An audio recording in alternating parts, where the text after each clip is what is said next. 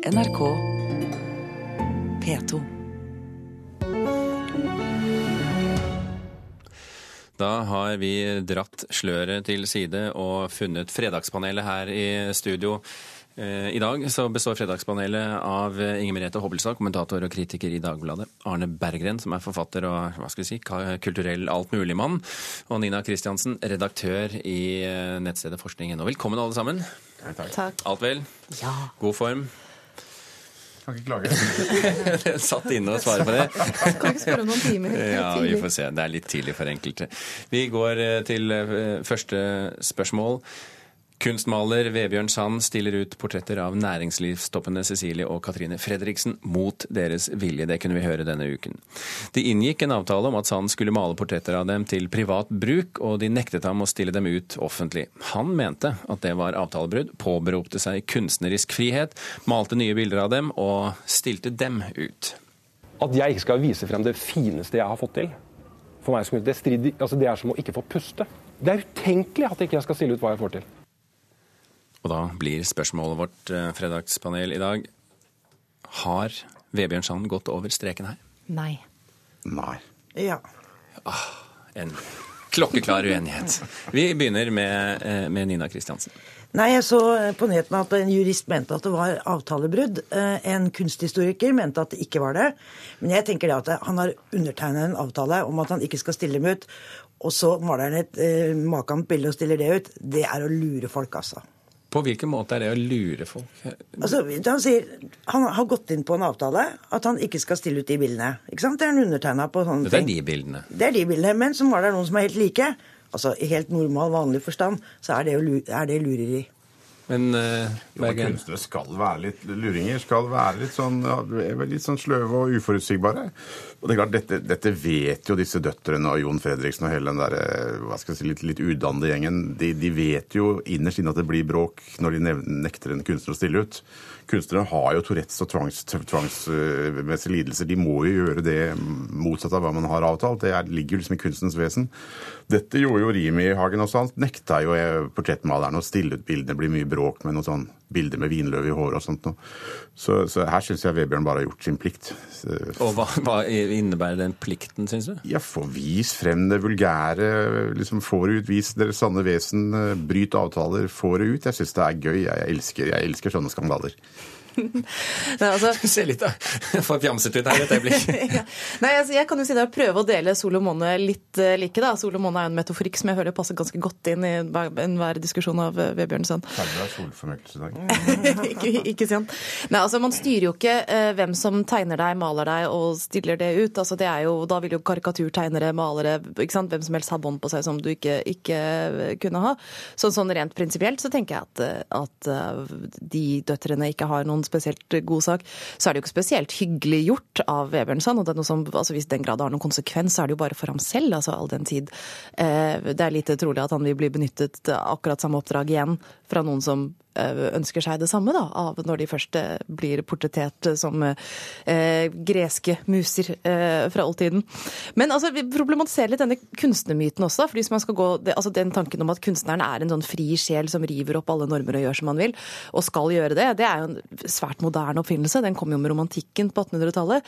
Altså Hvis Vebjørn Sand hadde levd i den epoken han beundrer mest, nemlig renessansen, eh, så ville han jo vært prisgitt lunene og humørene og økonomien til Medici-familien og andre storfolk. Og da ville han gått fint inn der og malt eh, sønnene og døtrene deres eh, som eh, Herakles og Afrodite og tatt pent imot pengene og sagt bare pene ting om dem og gått ut og vært stille. Så gjennom mesteparten av kunstens historie så har man jo måttet opptre annerledes enn hva Sand gjør nå. Og så er spørsmålet, Nina Kristiansen, hva er sterkest? Den juridiske beskyttelsen som ligger i en avtale, eller den kunstneriske friheten? Men jeg, jeg liker jo også den der litt ville kunstneren som bryter avtaler og gjør helt motsatt. Det er jo derfor vi liker kunsten, ikke sant? Men her er det jo spørsmål om sånn eh, han eh, Hvis han er så rabulist og så tøff, så burde han på en måte kanskje ikke gå inn på en avtale med rike mennesker om å ikke stille ut. Altså Først gjør han det ene, og så gjør han det andre. ikke sant? Med den ene hånda og den andre hånda. Og det er jo litt sånn ufint, da. Men det er jo klart at hvis du spør om skal jussen eller kunsten virke, vil jeg jo alltid svare kunsten. Klart det. Det er jo gøyere, det. Er det det det handler om, Bergen? Jeg tror det handler om å tjene penger å få oppmerksomhet her også. Nei, nei, men I spørsmålet om altså, juss kontra kunst, også kunsten innehar jo juridiske regler, selvfølgelig. Åndsverkloven, f.eks., som Ja. kunstnerne sjøl vil beskytte. Jeg er vel også svak for tanken at, at selv kunstnere må inn, innpasse seg Til en viss grad. Til en viss grad lover og regler i samfunnet ellers. Men, men det er klart at her kommer vi til å se disse maleriene malt om og om igjen. De blir jo solgt på, på Skeidar til slutt. Disse her, de, de så jo friske og fine ut. Kan passe i mange hjem, disse, disse jentene.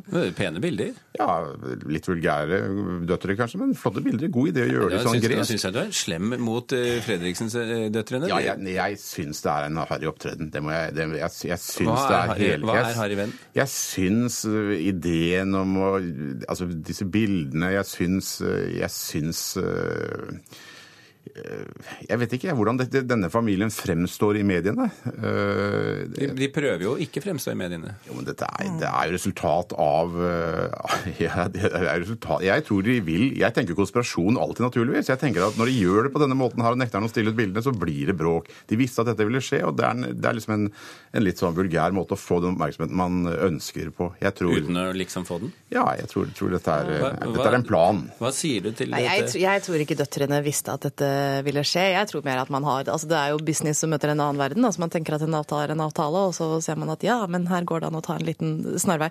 Det som er kjekt med å være kunstner, er at man alltid kan påberope seg kunsten, som man jo, kunstens frihet, eh, som man jo på mange måter skal og kan. Eh, Men det er vel ikke bare det som er eh, styrende her. Det er vel et eh, visst lite økonomisk motiv fra Sands side også, og ikke minst det med at han vet at han har fått et innblikk i en familie som nettopp prøver å holde seg litt skjermet. Eh, Og det at han kan da appellere til den litt sånn kikkeren som jo bor i eh, visstnok oss alle. Eh, Ja, ikke deg, selvfølgelig. Det er Ikke meg. ingen- nei, Jeg driver nei. ikke med sånt. Vi, eh, apropos kikking, vi skal gå til neste spørsmål. For den offentlige tjenesten slettmeg.no, som hjelper folk som blir misbrukt på internett, eh, har rekordstor pågang eh, av ofre for seksuell utpressing. Men veldig få av dem som, eh, veldig få av de som blir utpresset, anmelder eh, til politiet, og det er fordi de skammer seg, sier de. Spørsmålet vårt er kan folk bare ha det så godt når de kler seg nakne på nett? Nei. Nei. Nei. Der var det mer unisont, ja. Det er helt greit å kle seg naken på nett, til tross for at man vet at nettet er eh, synlig. Ja, så når jeg, når jeg tar selfier eh, naken og underlivet og, og sprer ut, så vet, så vet jeg jo hva altså, det, er, det er- er jo helt greit å gjøre det, men, men, eh, men jeg, jeg syns jo at man bare skal godta, godta at det blir spredt rundt, at det ikke er noe å gjøre. At man bare skal skamme seg. Det, det, det syns jeg, jeg Jeg er jo ikke enig i det. Vi kan trekke, kan du trekke et lite bånd til sann diskusjon, altså hvor det er litt dårlig gjort, men det er greit. Altså her kan man si at det er dumt, men det er greit. Eh, altså Du bør jo så klart ikke kle deg helt naken og sende det ut, eh, ut i det store, ukontrollerte universet som er eh, internett. Eh, men altså folk har jo alltids gjort eh, dumme ting i litt eh, opprømt, eh, til, impulsiv eh, tilstand. Og jeg syns det er helt greit at når det da har så alvorlige konsekvenser, at det er et visst vern altså, som eh, går på at man ikke skal bli utnyttet helt sønder og sammen for ting man gjør i svake øyeblikk.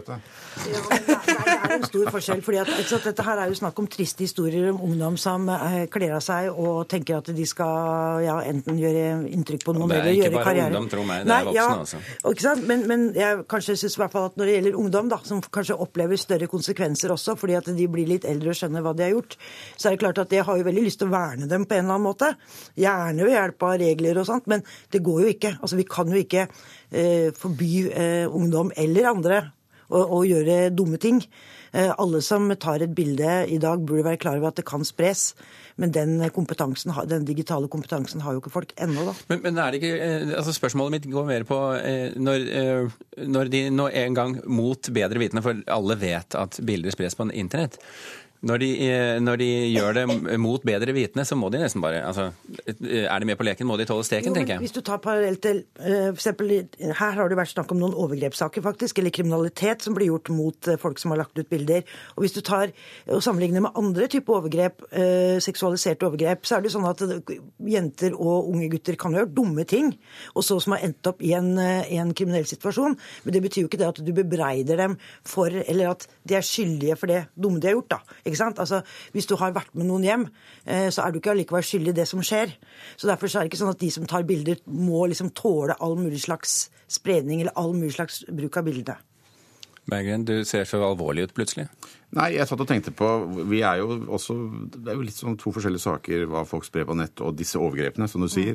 Men, men vi, vi blir jo så prippende også når Facebook prøver, å- prøver å uh, sensurere nettet og passe litt på.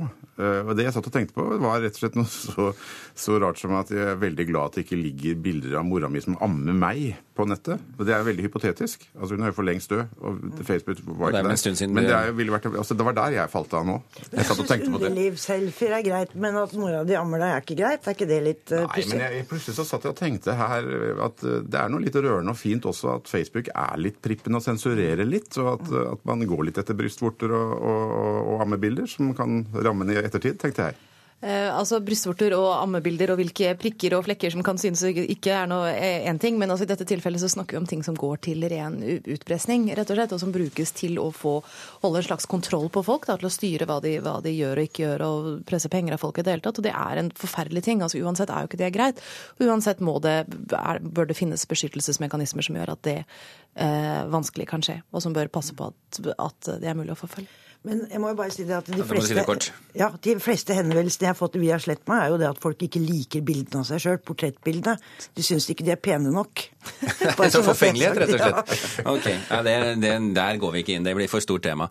Vi går til neste og siste spørsmål. I dag er det FNs lykkedag, og generalsekretær Ban Ki-moon har invitert hele verden til å plukke ut låter og lage spillelister av låter som gjør dem lykkelige. Selv har han denne låten eh, som favoritt. The song that makes me happiest is Signed, Sealed, and Delivered by UN Messenger of Peace Stevie Wonder. I'm wondering if your love's still strong. Ooh, baby. Here I am, signed, sealed, delivered. I'm yours. Og da blir spørsmålet har noen av dere tro på at prosjekter som dette vil gjøre verden lykkeligere? Nei. Nei. Ja. Ja, hvorfor det? Eh, nei, For det første så er det noe veldig søtt ved Ban Ki-moon, som jeg nå mistenker bruker da denne posisjonen sin rett og slett for å få spredd lista si. Som gjør grunn til at mange av oss også skriver avisen. Det er at vi med jevne mellomrom får anledning til å sette opp eh, noen favoritter og si 'hør på dette', og så må mange mennesker eh, høre på det. Eh, og, men altså, nei, altså, det er jo litt fjolte selvfølgelig, på en måte. Og du kan jo se at hvis du kaver rundt og har problemer med å fø familien din dagen etterpå, så er det ikke akkurat liksom å få Farrell Williams happy eller noe som gjør at den situasjonen bedrer seg med en gang. Men samtidig så er det altså det er jo noe med det at musikk alltid er en sånn ting som forener mennesker, ikke sant? Altså, som lever i forferdelig forskjellige situasjoner over hele verden, og noen har det lett, og noen har det fryktelig vanskelig. Eh, men jevnt over med globalisering av, pop av eh, populærkulturen alltid, så har man et forhold til den samme musikken, og kan bli løftet opp, kan til å danse av noe av den samme musikken. Og det at det er noe man kan bruke felles for å komme inn i samme sånn glade boble, det er en tanke jeg har litt sans for. Jeg, jeg kan bare snakke for meg selv. Jeg blir bare sur av det. Jeg, bare, jeg blir sur av lyster og happy låter. Og, nei, jeg tror jo verden er i ferd med å gå under. Det er liksom sånn islamske staten og at, at høytstående folk i, i FN-systemet bruker tiden sin på å lage lister og, og liksom Jeg, jeg, jeg syns det bare er trist. Jeg syns det er eh, sånn underkastelse for tidsbildet som eh, Ja, jeg blir ikke lykkelig. Ja, Jeg har jo konsultert Lykkeforskningen. Ja. Og Lykkeforskningen sier at uh, det er uh, tre ting. Helse, familie og arbeid som gjør deg lykkelig. Eh, Penger gjør deg ikke lykkelig. Altså Hvis du først har minimum, så blir du ikke lykkelig av penger. Og eldre folk, altså folk over 50 år, er lykkeligere enn folk under 50 år. Og 90-åringene f.eks. er nesten aldri sinna, mens det er 20-åringer. Men vi hadde jo Audun Mysja her, som har forsket på dette, lege, Ja. lege og musikkviter, og Ja. han sier at musikk kan gjøre folk lykkelige. Ja, Det han sa, var vel mer at musikk kan gi glede, og mye glede kan gi lykke. Men at lykke er noe mer permanent enn den gleden man får av musikk. Sånn kortvarig, da. Ja. Men eh, Bergen, hender det ikke at du hører låter som eh, gjør at du danser litt bortetter? Det, det har vel hendt. Men, eh, men Du er ikke stolt av det, men Nei, jeg er ikke stolt av det. Og jeg vil ikke ha det spredt på nettet eller ut på utstilling. Det vil jeg ikke. Det er en privatsak. vi kan ikke gå inn på favorittlåt her, altså. Overhodet ikke. Nei. Ok, Nei, men du, eh, da eh, lar vi det være siste ord sagt i dagens fredagspanel. Inger Merete Hobbelstad, Arne Berggren og Nina Kristiansen var dagens panelister. Hør flere podkaster på nrk.no podkast.